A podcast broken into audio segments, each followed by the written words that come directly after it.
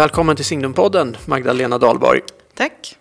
Eh, vi ska göra ett sånt här litet kortare avsnitt som vi gör i samband med varje nytt nummer av Signum som släpps. Och eh, nu kommer nummer två här i dagarna. Och eh, det är faktiskt jag själv som har skrivit ledartexten. Och den har fått rubriken Icke-våldets dilemma. Den handlar om ja, den ansluter väl lite till, till eh, Ukraina-kriget och sådär, men den står väl lite för sig själv också. Det handlar om begreppet rättfärdigt krig och uh, liksom vänder och vrider på det där. Det här är väl en, ja, jag får höra vad du säger lite, men det här är väl en text där jag själv känner i alla fall att kanske lite ovanligt för en ledartext, att jag liksom inte riktigt landar i någon bestämd åsikt eller bestämd ståndpunkt, utan eh, jag vänder och vrider lite på det här. Eh, vad säger du? Ja, eh, precis. Det var intressant när vi tog upp den här först i, eller i eh, Signum-redaktionen för att vi hade väldigt olika läsningar av den. Mm. Eh, vilket väl speglar just att det du landar i är väl egentligen att vi faktiskt måste lära oss att leva med paradoxerna. Mm. Um, och även de mer smärtsamma paradoxerna, det är klart att det inte finns någonting sånt som rättfärdigt krig på sätt och vis. Ett krig är alltid fruktansvärt. Mm. Eh, och någonstans så måste vi ändå just därför ha någon sorts lagar och regler. Men också en öppenhet för att å ena sidan så är vi kallade till fred. Du tar upp väldigt specifikt eh, Kain och Abel. Mm. Där börjar våldsspiralen. Och den kommer inte att sluta förrän någon låter bli att slå tillbaka. Alltså Jesus har ju någon mån svaret och där har, eh, alltså, det finns ingen annan väg tror jag ut eh, än det som Jesus pekar på. Hans radikala antivåldsbudskap som man ändå måste säga finns i evangelierna. Eh, så det finns verkligen en, en god grund för kristen pacifism, det måste man ju faktiskt säga. Att det är att vända andra kinden till. Det är det enda sättet ut ur denna hopplösa våldsspiral som, som började där någonstans i mänsklighetens gryning. Samtidigt är ju inte det någonting som man kan kräva av någon människa och framförallt inte av en gemenskap av människor där det är flera som drabbas. Man kan bara själv göra det ställningstagandet och egentligen inte förrän man faktiskt står där. Precis, och för det blir problematiskt då att om man skulle göra någon slags lag av den eh, antivåldsbudskapet och säga då till exempel om vi tar Ukraina-kriget att de inte har, att ukrainarna inte skulle ha rätt att med våld då försvara sig. Eh, och det är ju så om vi ska gå in på, på kyrkans lära om det, om det mm, rättfärdiga kriget så är det ju så det har utvecklat sig på under senare år i alla fall. Eh, eh att det handlar ju om när har man rätt att försvara sig, att försvarskrig. Eh, I stort sett aldrig rätt med eh, anfallskrig. Nej, och du börjar ju också i någonting som jag tycker sätter fingret på just, vi har lite svårt, många av oss i västvärlden som helhet, inte alla, men många av oss har egentligen inte någon direkt erfarenhet av det här riktigt, riktigt svåra våldet. Mm. Um, vilket gör att det är lite svårt att relatera till. Du börjar i en berättelse om en klasskamrat mm. uh, som själv hade flytt från Balkan och berättar om det för klassen. Mm. Vilket får den här ganska stojiga klassen att bli fullkomligt knäpptyst naturligtvis. Ja, men det var en sån där eh, upplevelse som jag aldrig glömmer. För att det var på högstadiet då. Och då ja, du vet hur man är, man går på högstadiet. Man tänker inte på så mycket på, på världen, man tänker mest på sig själv. och eh, krig var något så otroligt abstrakt för en på den tiden. Det var någonting som, ja men det fanns visst, det fanns historieböckerna och i, böcker som man läste kanske, men, men liksom krigets verklighet visste man ju ingenting om. Och så kom den här tjejen då och berättade om krigets verklighet som låg så otroligt nära i tid och rum. Det var, det var verkligen omskakande att eh, liksom höra eh, hur vedervärdigt det är med krig alltså. Och det är där man studsar då, liksom det här rättfärdigt krig. Nej, men i djupare mening kan inga krig vara rättfärdiga. För att det, alltid när, när krig sätts igång, då sätts också det här fruktansvärda våldet igång som är, eh, ja, där ordet rättfärdigt inte hör hemma alls. Alltså. Och där, och där blir det ju, det blir, det blir lite svårt då att förstå hur människor kan bete sig på det viset. Mm. Eh, det tänker jag att vi, eh, det finns mycket inspiration att hämta i Bibeln där. Mm. Exempelvis hela Saltaren har salmer som växlar mellan att man prisar Herren och allting är underbart och sen kommer hämndraderna Mm. någonstans. Och att kunna relatera till och förstå behovet av att uttrycka den typen av ilska Mm. har vi någonstans tappat bort, tror jag. Och det blir ett problem i att bemöta de som kommer hit med svåra trauman. Från, eh, för, för att vi är så otroligt pacifistiskt indoktrinerade, eller vad man ska Ja, säga. men, och vi, vi är bortskämda med att inte behövt eh, konfronteras med den typen av våld på, på eh, hundratals år. Liksom här, och det, det jag landar i lite på slutet här, att den pacifistiska hållningen kan vara absolut ett, ett eh, liksom gott exempel när den är utlevd av den enskilde så här. Men på det stora hela kanske ändå en lyx för oss som är, lever ganska skyddat från, från våldets eh, verklighet. Så att säga. Ja, framförallt är det väl just det att man aldrig kan kräva det av någon. Egentligen kan Nej. man inte kräva det av sig själv heller förrän man faktiskt vet hur man reagerar i en sån konkret situation. Ja, för i värsta fall kan ju en pacifistisk hållning också bli naiv att, för att man, och att man tänker att man måste nog inse att man har det i sig också. Att alla människor har det här eh, potentiella våldet i sig. Och, och eh, alltså en pacifism kan bli ett, liksom ett förträngande utav det. Och då tror jag det bara blir värre. Man måste eh, först ha bejakat att det här finns i alla människor och i mig. Och, och hur skulle jag reagera? Ja, det är, jag tror precis som du säger, det är, man kan inte begära det av någon annan. Men, men visst kan det vara en, en hållning att sikta emot. Så att säga. Det kanske måste vara den, eh, det vi siktar emot. Men, eh, Ja, men som alla ideal, höll jag på att säga. det finns ideal och det finns verklighet. Ja, precis. det Och brukar vi tjata om katolska kyrkan. Någonstans måste vi hoppas på nåden däremellan eh, Ja. på något sätt. Ja, men så är det. Som sagt, det är ledaren. Eh, efter det så kommer en krönika som är, som är väldigt fin. Eh, som Therese Boman har skrivit, författaren och eh, kulturskribenten som ju faktiskt var gäst här i podden också för ett tag sedan. Och vi snuddar faktiskt vid det här ämnet då som hon skriver om. Hennes, vad ska jag säga, skriver hon om sin längtan efter tro?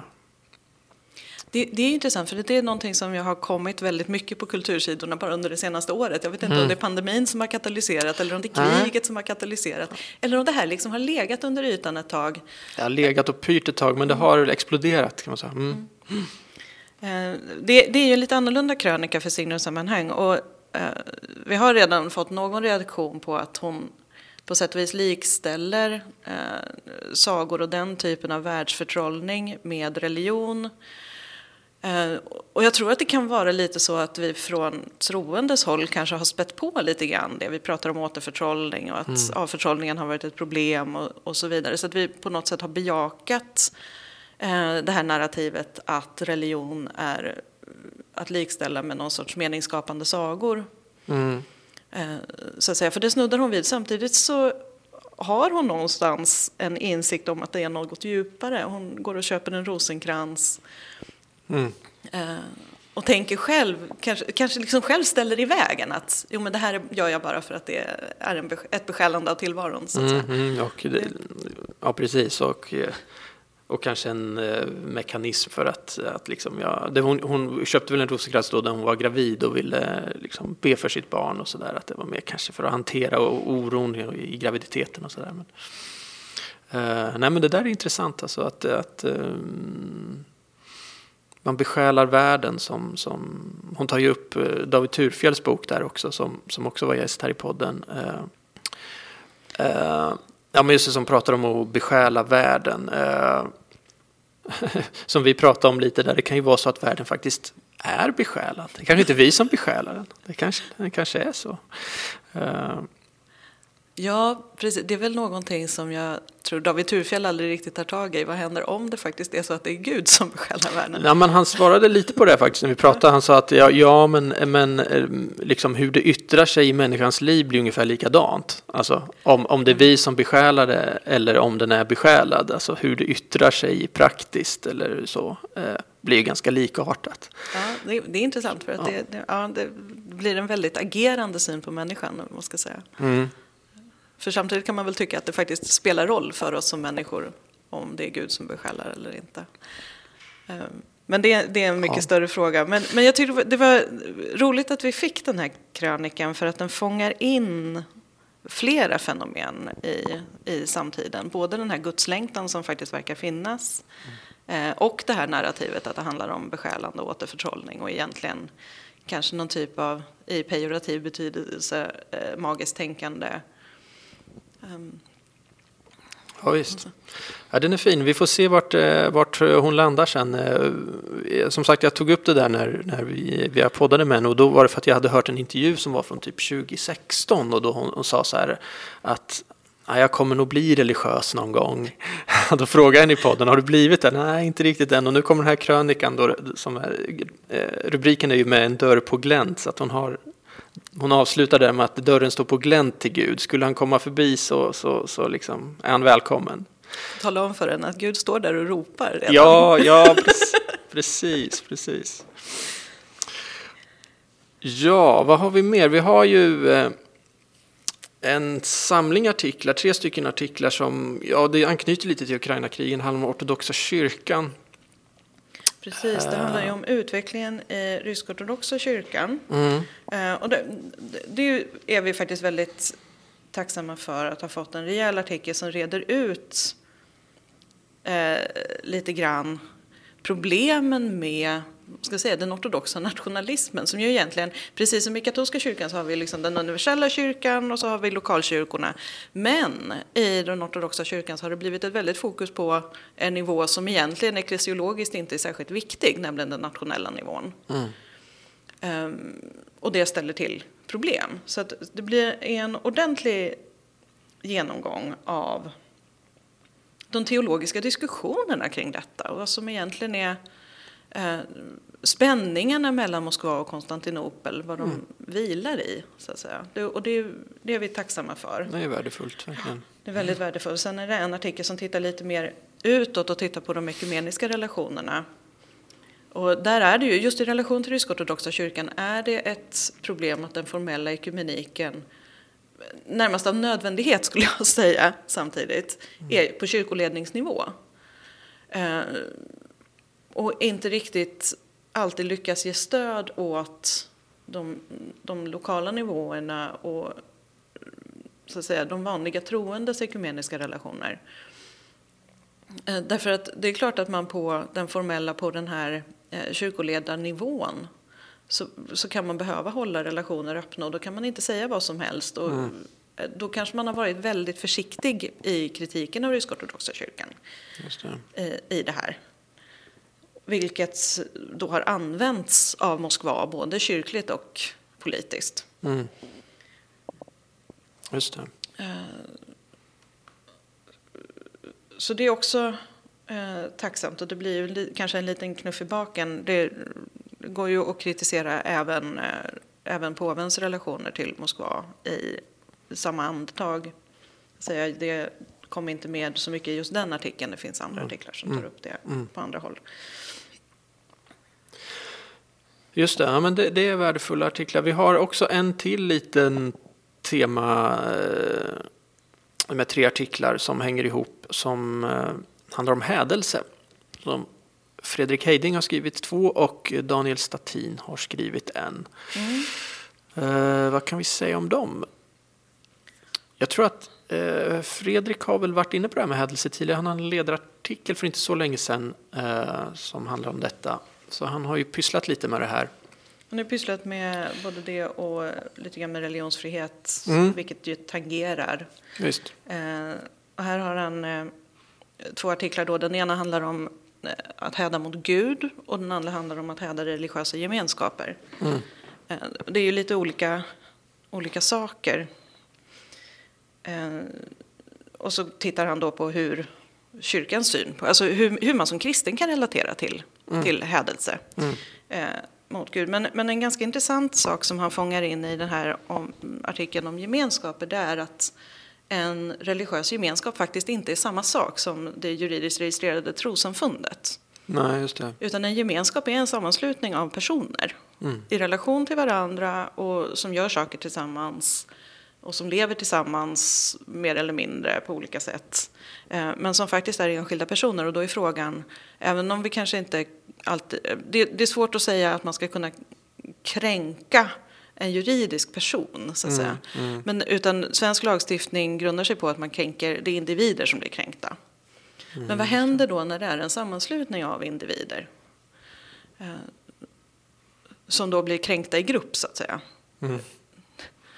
Mm. Det, det, och det, det det, liksom blir någon sorts gråzon där. Ja, ja det precis. Daniel Statins artikel eh, reder ut begreppen kan man väl säga lite grann. Han tittar på lagstiftning i lite andra länder, bland annat i Finland och Österrike som man tycker det är väl ändå jämförbart med Sverige, men de har ändå någon typ av lagstiftning kring kränkning av trosfrid. Eh, Och det är ju relat- relaterat då till religionsfrihet. I Sverige tenderar vi så mycket att prata om frihet från religion och möjlighet att sitta på sin kammare och vara religiös, så att säga. Eh, Men inte att i fred få utöva sin religion. Nej, just det.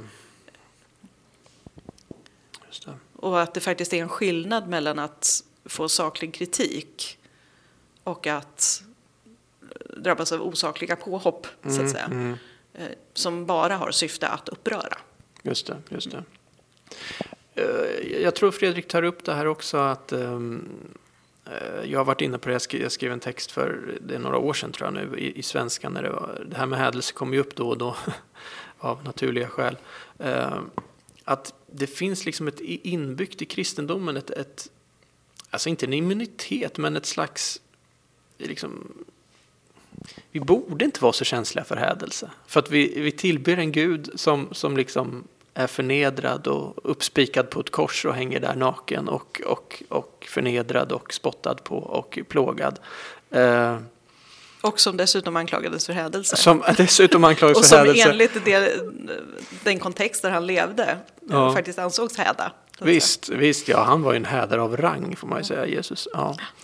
Eh, jag, men jag vet inte, vad, vad tänker du om det där? Jag, det är klart att kristna eh, eh liksom blir kränkta också, men för, jag vet inte, jag har svårt att, för det där. Det finns vissa saker jag kan tänka mig som jag skulle bli liksom upprörd av och, och känna det där, så där får man inte göra, det där är liksom hädiskt. Men det, det är inte så mycket saker. Jag har svårt att bli sån här Jag, jag tänker att man måste göra skillnad på eh, olika nivåer här så att säga. Jag har, jag har svårt att bli upprörd över sådant som egentligen är uppenbar händelse mot Gud så att säga. Därför Mm. att eh, lite, förlåt dem herre för de vet inte vad de gör. Ja, Det blir väl lite inställningen där. Eh, däremot så kan jag väl se att det, det är ett problem att den som växer upp som troende idag eh, i så hög grad behöver utstå eh, förlöjligande. mm, just det. Ehm, Men är det, det är det är samma som sak. hädelse? Nej, det är ju där inte är det, riktigt, riktigt. det, att man blir förlöjligad. liksom. utan det är ju en annan typ av kränkning. Vi, Ja. vi, vi har ju uppmaningarna, saliga är ni när man hånar och förföljer er. Ja, men, ja, men det, det, precis, det, Så- det där så som är så, så det- paradoxalt med kristna, att det, är liksom, det är inbyggt i det, att, att man ska bli förlöjligad. Och, ja.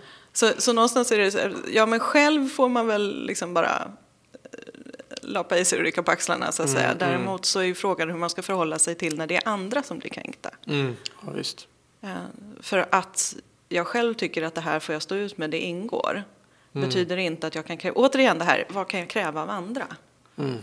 Eh, Och var har vi, eh, alltså hur, hur stort är gapet mellan ideal och verklighet där? Idealet är Mm. väl att vi ska kunna stå ut med det här, men samtidigt så finns det väl i praktiken i den faktiska verkligheten någon sorts gräns för vad man står ut Ja, ja med. man, man har ju nog rätt att bli upprörd också, Ja. absolut. Så. Sen, sen ska vi också komma ihåg, alltså, när, när man läser eh, Fredriks artiklar, men överlag också, så bollar man ju med lite olika begrepp kring vad ondska och synd egentligen är, så att säga. Där, Eh, där det gäller att komma ihåg att när kyrkan pratar om någonting som ont eh, så är det helt enkelt någonting som för människan bort från Gud.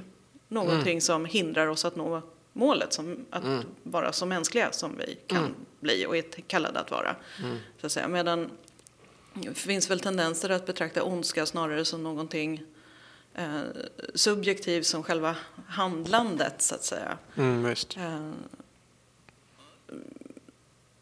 och då spelar ju intentionerna roll. Så att mm. Alltså, mm. det, det, det, finns ett begreppsgap där. Ja visst, och, onda handlingar och onda människor och så vidare. Ja. blir, blir ju, mm, en, en, eh, och, men det där tycker jag man kan se i offentligheten. Alltså om någon gör en ond handling så är den en ond människa. Att, det är svårt att skilja på det där. Det, fin, det finns ju tendenser idag att betrakta människan som man är vad man gör. Mm. Så att säga. Istället för Precis. att faktiskt säga att men det finns en skillnad där. Mm. Mellan vad vi är och är kallade att bli å ena sidan och de konkreta handlingar. Visst. Och det där är en, en skillnad värd att eh, påpeka tycker jag. Ja, har vi något mer som vi bör nämna? Du har ju översatt en, en um, artikel här också om hur uttalar man hennes efternamn? Anscombe. Anscombe. Tror mm. jag. Mm. Ja, alltså jag kände faktiskt inte till henne. Vill du, vill du säga någonting om den? Jag kan inte... Den är översatt från The Tablet. Ja, precis. Den metafysiska den... modern, det låter ju väldigt intressant. Hon är, hon, är, hon är en av de här brittiska kvinnliga filosoferna. Eh, de, de var en kvartett som jag tror Kim Solin skrev om för några nummer sedan. Eh, hon är då filosof, gift med en filosof. Ja, har, har betytt väldigt mycket, tänker jag också, för, inte minst för det etiska tänkandet. Så hon, mm. hon har väl framförallt tänkt mycket kring etiken och någonting som hon gjorde eh, som tas upp i den här artikeln. Och artikeln bygger på en bok av samma författare. De, eh, de som har skrivit artikeln eh, har också skrivit en bok om Elisabeth Anscombe. Um, hon för in det kroppsliga och det vardagliga i, i filosofin och etiken. Mm. Uh, hennes barn är oerhört påtagligt. När hon hade rätt många, de blev fler och fler. Mm. Um, och hon för in liksom familjetillvaron i tänkandet på ett sätt som har varit ganska ovanligt. Man tänker gärna filosofen i sitt elfenbenstorn mm. ensam och lite bortkopplad från världen. Så han kan tänka, och hon är definitivt inte bortkopplad från världen. Hon, mm sitter bara dagar efter en förlossning så sitter hon i sin säng och håller föreläsning medan hon röker och ammar och hanterar barn som springer in och ut och studenter som kommer och går och Wittgenstein bor på vinden en period. Och det, ja. Ja. Otroligt fascinerande person. Ja, eh, sen, sen, är det väl lite romantiserat i den här artikeln. För det, var... det låter väldigt jobbigt också. Ja, och framförallt så tyckte nog grannarna att det var ganska jobbigt. Vilket också framkommer i, i den här artikeln. Mm. Att eh, det skedde en och annan anmälan mot familjen men det hände liksom ingenting. Mm. Så att de spelade hög musik och ungarna fick klara sig själva. Och det var, ja. ja, men det låter ja, det är intressant. Det låter härligt. Hon är en väldigt fascinerande person. Mm. Ja, men fint. Eh, då har vi presenterat numret där och eh, hoppas att ni har blivit nyfikna på det. Eh, och det kommer landa i prenumeranternas brevlådor här alldeles snart och kommer också finnas digitalt på Signums hemsida och i Signums app. Så håll utkik efter den. Och så tackar jag dig, Magdalena Dahlborg, för att du gästade Signumpodden. Tack. Och eh, tack alla ni som har lyssnat och lyssna gärna på oss igen nästa gång. Hej så länge!